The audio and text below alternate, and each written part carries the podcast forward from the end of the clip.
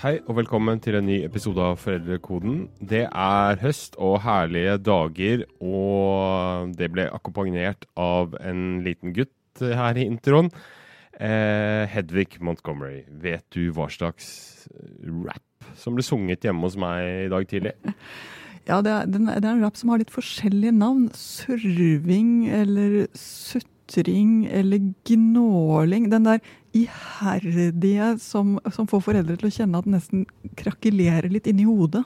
Ja, Det ble faktisk lagd en autentisk rap, og den var ganske monoton. Den gikk sånn Dumme pappa, dumme pappa, dumme pappa, dumme pappa.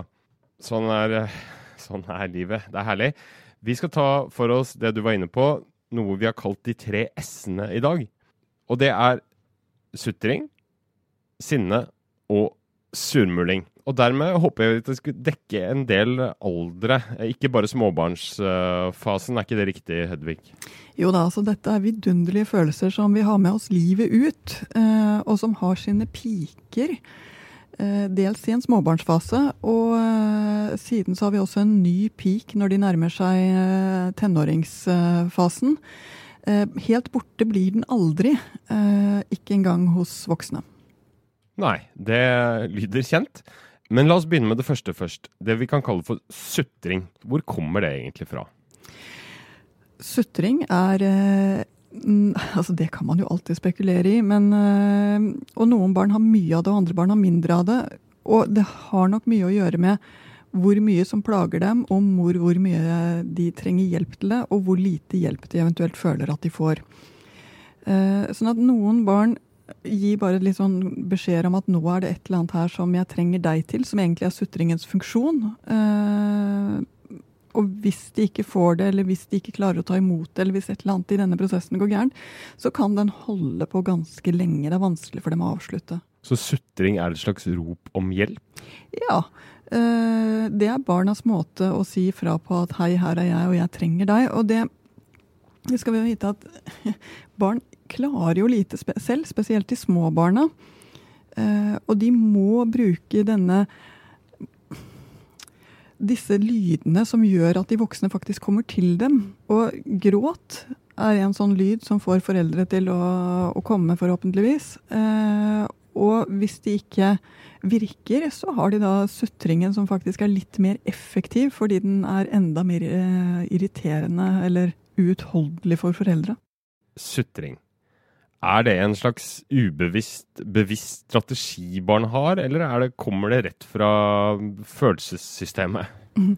følelsessystemet er jo interessant i seg selv, for følelser er både det ubehaget du har inni deg fordi du er sliten, fordi du er sulten, fordi eh, noen ting gnager. Eh, disse tingene som, som, ja, som rett og slett eh, produseres inni deg. Men følelser er også ting som blir utløst fordi du føler deg forlatt, fordi du føler deg ensom, fordi du eh, blir irritert på noen ting. Så følelser kommer både fra hvordan du har det inni deg, og fra hva som skjer der ute, og hvordan det påvirker deg. Så følelser er sånn sett både noen ting som handler om er du, eh, hvor er du henne akkurat nå? Og det er noe som handler om hva er det for noe som skjer rundt deg. Det er ikke alltid så lett å skille på de to. Altså, Er du sur nå fordi du ikke fikk frokost, eller er du sur nå fordi jeg bruker for lang tid å svare på spørsmålet? Eh, det er ikke alltid så lett å skille på de der, for følelser er så utrolig kjappe.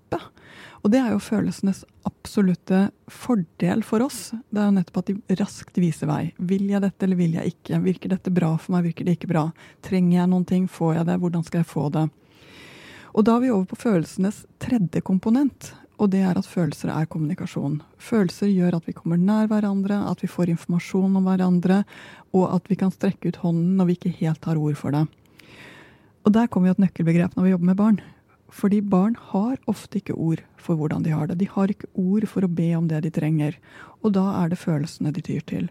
Så i lange perioder så er følelsene barnas mest effektive og faktisk eneste måte de har å kommunisere på, spesielt når ting er vanskelig. Et barn som uh, kjenner at det er fryser på føttene. Som to og et halvt-åring vil ikke si 'nå er jeg skikkelig kald på føttene', det kjennes ordentlig, ordentlig guffent ut. De vil begynne å sutre eller gråte istedenfor. Og en eh, tiåring som mistrives på skolen, eh, ikke føler seg med, ikke kjenner at her fungerer ting, vil ikke si åh, det er så vanskelig å gå på denne skolen, ikke kan jeg slutte, jeg er nødt til å gå hit hver eneste dag, jeg føler egentlig ikke at jeg har så mye til felles med de andre. Det er mer sannsynlig at hun begynner å sutre, slepe med beina, syns det er vanskelig å komme seg på skolen, allting blir et ork. Altså følelsene prøver å si noen ting. Og så er spørsmålet er det effektiv eller ikke kommunikasjon. Ja, det kommer jo an på om den blir hørt eller ikke. Men det er veldig kort vei til den ta deg sammen uh, når, når et barn sutrer. Er Hvordan skal vi egentlig håndtere det? Det Du skal bare være klar over at nå skjer det et eller annet. Altså Det første du skal gjøre når, når barna begynner å gråte eller sutre, og du får denne her, det er hva er dette? Altså At du tenker at her er det et eller annet som har skjedd som jeg ikke skjønner. Eh, så det første du skal gjøre, er rett og slett å tenke hva kan dette handle om? Være litt detektiv, og spesielt med de små barna. Eh, og så får du vel gjøre en slags liten feilsøking, for ingen sutring er der uten grunn. Det er ingen barn som sutrer bare for å sutre. Det kan virke sånn, men sånn er det ikke. Et eller annet er det som har utløst denne sutringen. Det kan være en god grunn eller en dårlig grunn, men det vet jo ikke du. Så det første er rett og slett å, å, å, være klar over at nå er det et eller annet som han prøver å si som jeg ikke helt får tak i. Bare det vil gjøre at du forholder det annerledes til sutringen. Altså Man bare stille, man begynner med et slags mildt avhør, da? eller? Nei, altså Avhør fungerer dårlig på alle aldersgrupper, så jeg vil jo ikke anbefale deg det. Men for det første, gå ned i øyenhøyde. Ingen sutring blir stillet ovenfra og ned. Sånn at du må ned på huk. Eh, og vise barna at OK, du sutrer, og jeg ser det. Eh, det er rett og slett det første du gjør. Eh, og så skal du selv bare tenke litt kjapt igjennom. Er det noen ting, eller er han bare sliten? Og veldig ofte på de små barna så er svaret nå kom bare dette litt fort på. Han hadde sett for seg noe annet. Eh, men dessverre er det dette vi må gjøre. Da er det bare å trekke ned tempoet litt, eller bare og bare. litt å si om morgenen, da. Det er jo ingenting som er bare her, men da er det rett og slett bare å skjønne at nå er han der. Dette ble feil for ham vi må gjøre det allikevel, ja, så er det faktisk lurt å si akkurat det. Være ærlig? Være ærlig. Skjønner at dette ble litt feil for deg, men vi bare må gjøre det, for nå går bussen om fire minutter. Du nevnte tiåringen i stad. så Er det annerledes uh, for de? Altså når, når, man får et slags uh, utbrudd som ikke nødvendigvis er sjarmerende, da? Uh, det er faktisk enda viktigere når vi kommer til tiåringen til at du ikke blir for hard. At når tiåringen kommer hjem og er tvers igjennom slem mot småsøsken som han ikke pleier å være, så er det jo det første rett og slett å bare få stopp på det, sånn at han ikke skader eller det går for hardt utover småsøsken. Men så er det en invitasjon til, når han skal legge seg, eller når dere er ute og drikker kakao sammen, eller når dere har en fin stund, og si at vet du hva, nå ser jeg at det er så mye som koker for deg hva er det som skjer? Rett og slett være nysgjerrig, for nå har de språk for det, men de klarer ikke selv å skjønne sammenhengen. Eh, og det gjør at de er helt avhengig av at du hjelper dem å finne sammenhengen. Sutring kan jo ofte virke litt sånn eh, urimelig eller um, ufordragelig, på en måte. F.eks. når man gjerne vil ha is i butikken og, og, og klager over at man ikke får det når det er, når det er vinter ute, eller når er, man ikke får nok en brannbil som er enda større enn den han andre i barnehagen har, f.eks. Ja, og dette er ganske interessant, fordi det er litt forskjellig hvilke følelser det er som treffer oss på den måten. Eh, noen av oss eh, syns at sutring ikke er så aller verst. Eh, det er bare å skjønne er det noe eller er det ikke noe. Oi, det var at du ville ha en større brannbil. Beklager, det har vi ikke råd til. Eh, men det plager ikke da at sutringen fortsetter. Mens for andre så er sutring uutholdelig. Det er som den der lyden av kritt mot tavle. Ja, for meg, jeg, jeg, får litt sånn, kjenner jeg får litt sånn rykninger i Jeg får litt, nesten litt sånn tics, jeg. Ja, eh, så da treffer den deg ekstra godt. Eh, for andre er barnegråt det vanskeligste. og For noen er til og med for mye latter vanskelig, for så gøy er det jo tross alt ikke. Så dette kommer litt an på hva, hvor ligger dine egne problemområder.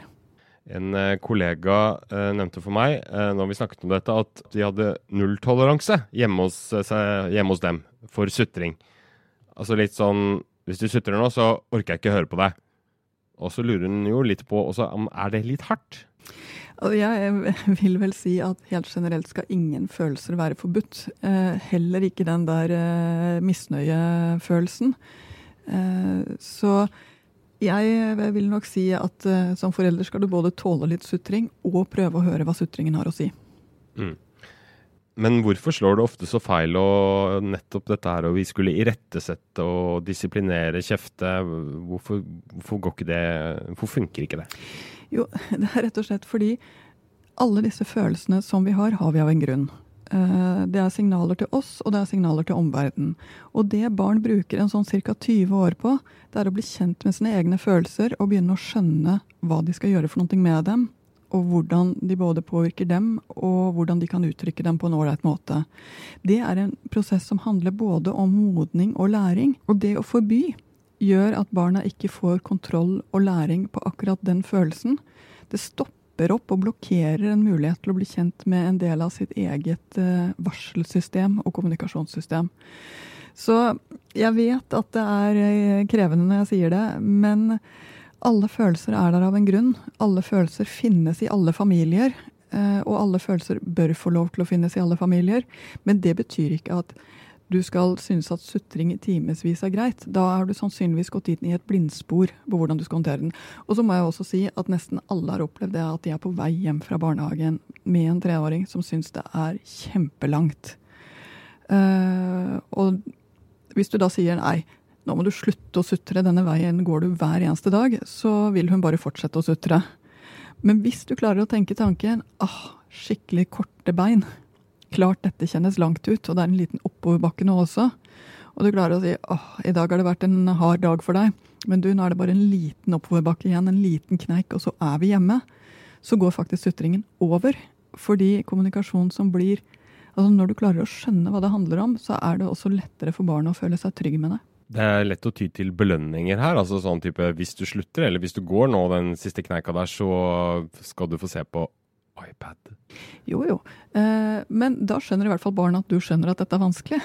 Eh, så det kan godt være at eh, den fungerer. Og det, du kunne sannsynligvis klart deg uten den belønningslovnaden også beslekta ord til sutring er surmuling. Og når eh, vi, vi, sier dette, så snakker vi kanskje mer om det å være et litt sånn tverr gretten ting som vi kanskje forbinder mer med litt eldre barn.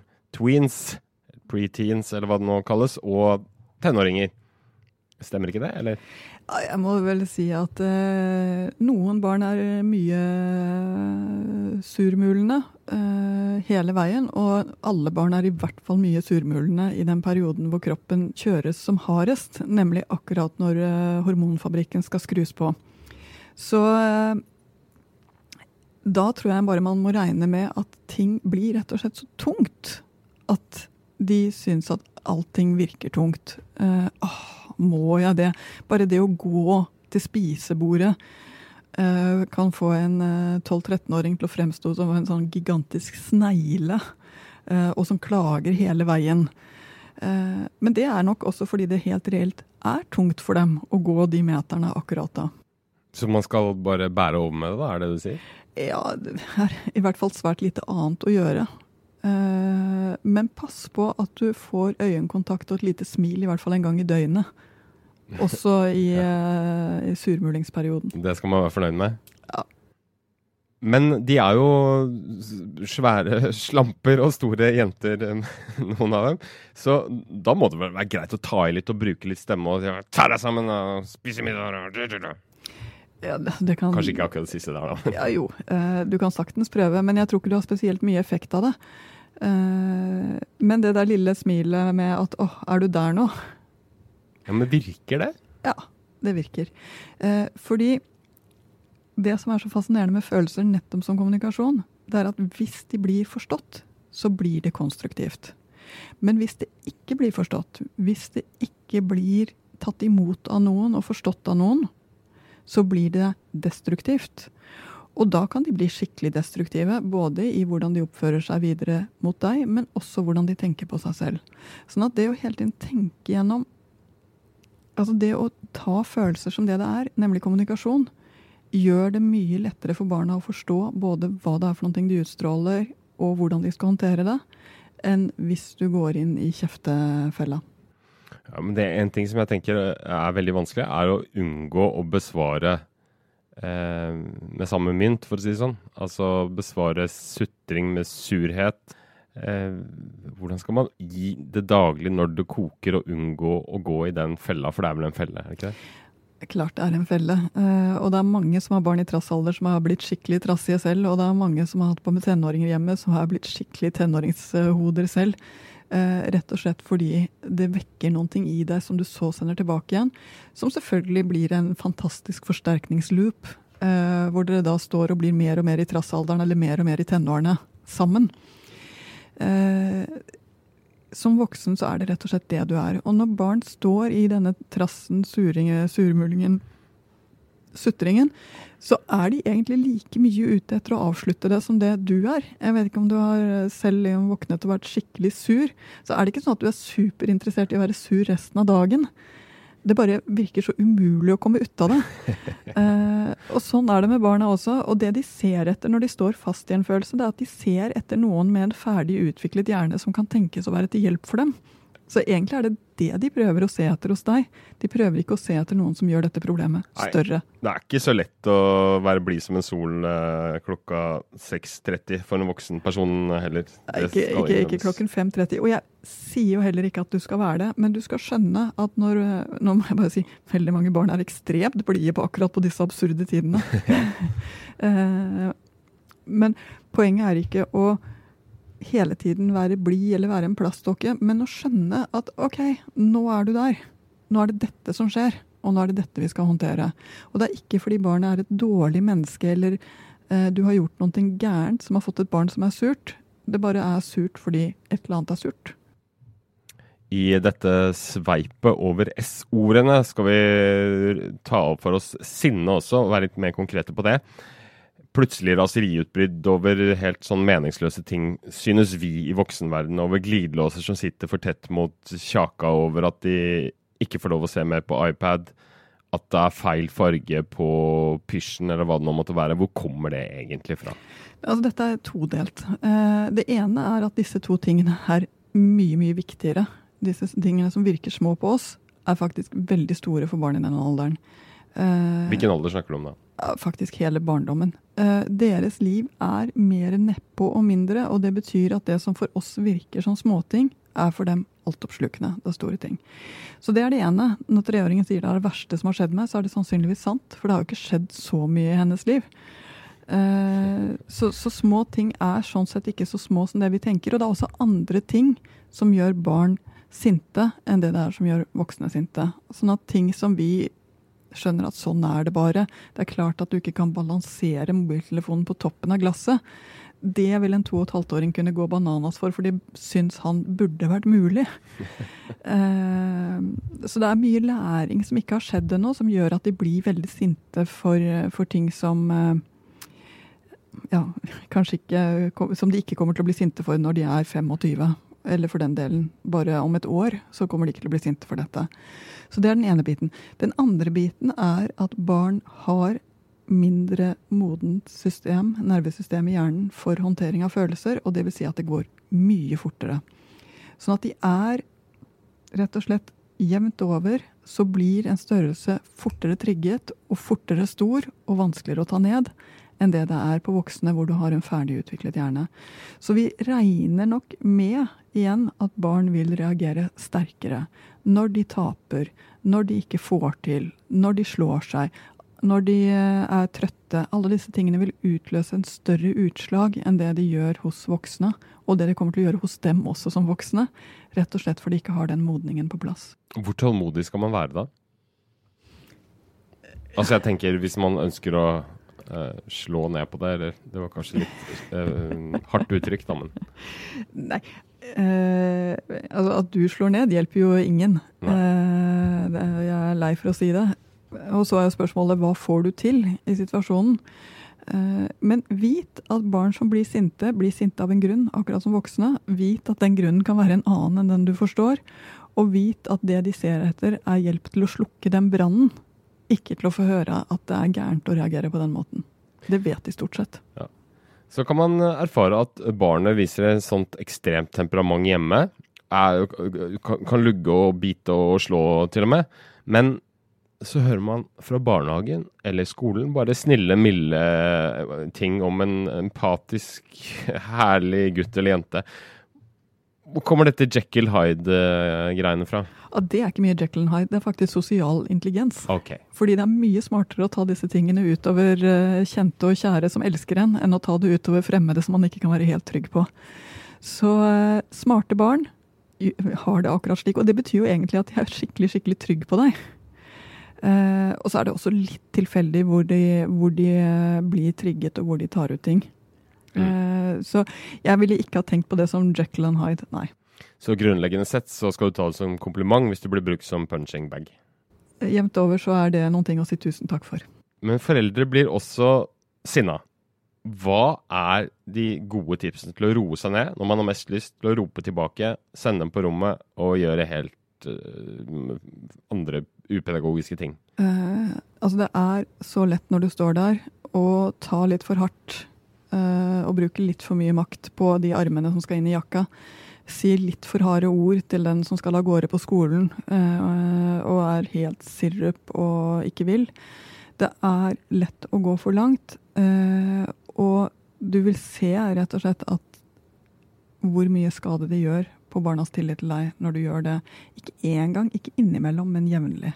Det er rett og slett en situasjon som ødelegger barnas trygghet. Når du bruker ord som gjør at de ikke kan føle seg bra med seg selv, eller når du bruker makt som gjør at de får vondt, uh, og ikke kan være trygg på at du ikke skader dem. Så at det skjer, ja, det, jeg må bare si det, Du kommer jo i den situasjonen hvor du er stressa. Kanskje er det noen ting i ditt liv. Kanskje øh, har du sjekket bankkontoen rett før og sett hvor tom den er. Kanskje har din øh, mor ringt deg med et eller annet som gjør at øh, det kjennes tungt ut. Kanskje har det skjedd noen ting som gjør at du har mindre å gå på enn til vanlig. Og du eksploderer også mer enn du burde gjøre. Men som voksen er vår viktigste jobb, og det er virkelig den viktigste. Klarer du å unngå å skade forholdet ditt til barnet, så er du good to go. Eh, så det å prøve både å leve et liv selv som gjør at du ikke er for mye på kanten og for sliten selv, og det å prøve å tenke at vet du hva, nå er det bedre at jeg går ut og roer meg ned, til og med tar en røyk, enn at jeg sier det som kommer inn i hodet mitt akkurat nå. Eh, nå blir jeg så sint på babyen min at jeg bare jeg har bare lyst til å riste den, knuse den, holde den for hardt. Da er det bedre at du legger babyen fra deg og går, enn at du faktisk gjør disse tingene. Dette er sikkerhetsventiler som vi må ha i hodene våre for å ikke skade barna våre. Da skal vi ha dagens spørsmål. Dagens eh, spørsmål er fra en uh, følger, eller en follower, eller en venn på Instagram. Vår Instagram-konto Foreldrekoden. Hun skriver Jeg har en svigermor som ikke respekterer våre rutiner. Eksempel leser vi ikke på senga hjemme hos oss, men da kommenterer hun gjerne Å ja, leser du ikke på senga? Det som er så viktig. Og så sier hun at uh, de til stadighet prøver å fortelle hvordan de gjør det hjemme hos seg, men at svigermoren da aldri hører etter, og gjerne gjør det stikk motsatte. Og hva skal hun gjøre? Ja, Det første er å ikke ta det personlig. Uh, disse små stikkene er det altfor lett å ta til seg, men neppe nyttig. Svigermor prøver å gjøre noen ting som uh, sannsynligvis skal hun opplever som viktig, som denne lille familien ikke opplever som viktig hos, hos seg. Da er det to ting. Det ene er at de gjør ingenting at svigermor leser på senga når barna er på besøk hos henne. Det er helt i orden. Eh, la henne få lov til å styre sånn som hun vil når hun er in charge på disse tingene som ikke er direkte skadelig for barna. Og tross alt, man kan si mye om lesing på sengen, men skadelig er det neppe. Eh, og det andre det er eh, at ikke bruk for mye tid på å diskutere det. Gjør det sånn som dere gjør det. Vær enig med kjæresten din og lag en familiegreie rundt det.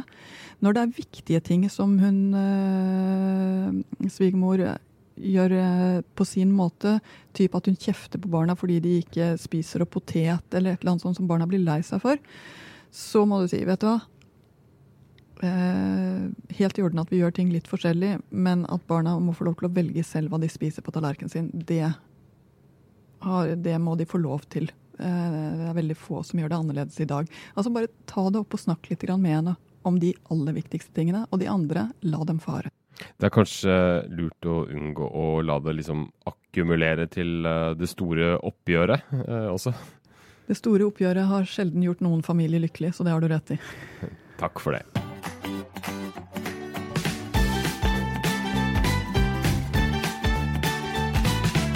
Det er en tid for alt, også å oppsummere dagens episode. Vi har tatt for oss de tre s-ene sutring, sinne og surmuling i dag. Og Hedvig Montgomery, hva er de beste tipsene, de tre beste tipsene for å håndtere disse følelsene hos barn?